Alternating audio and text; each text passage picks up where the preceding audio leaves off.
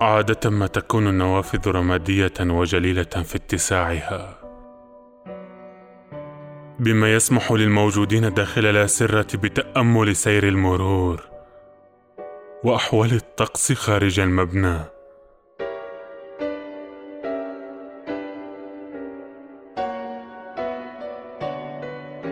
عادة ما يكون للأطباء أنوف حادة ونظارة زجاجية. تثبت المسافة بينهم وبين الألم.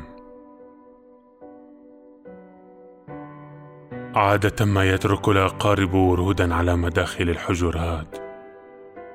طالبين الصفحة من موتاهم القادمين.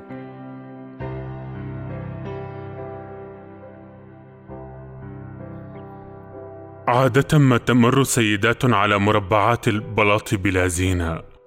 ويقف أبناء تحت مصابيح الكهرباء محتضنين ملفات الأشعة. ومؤكدين أن مرور القسوة ممكن إذا توفر لآبائهم بعض الوقت. عادة كل شيء يتكرر والخانات مملوءة بأجساد جديدة. كأن رئة مثقوبة تشفط أكسجين الدنيا تاركة كل هذه الصدور لضيق التنفس.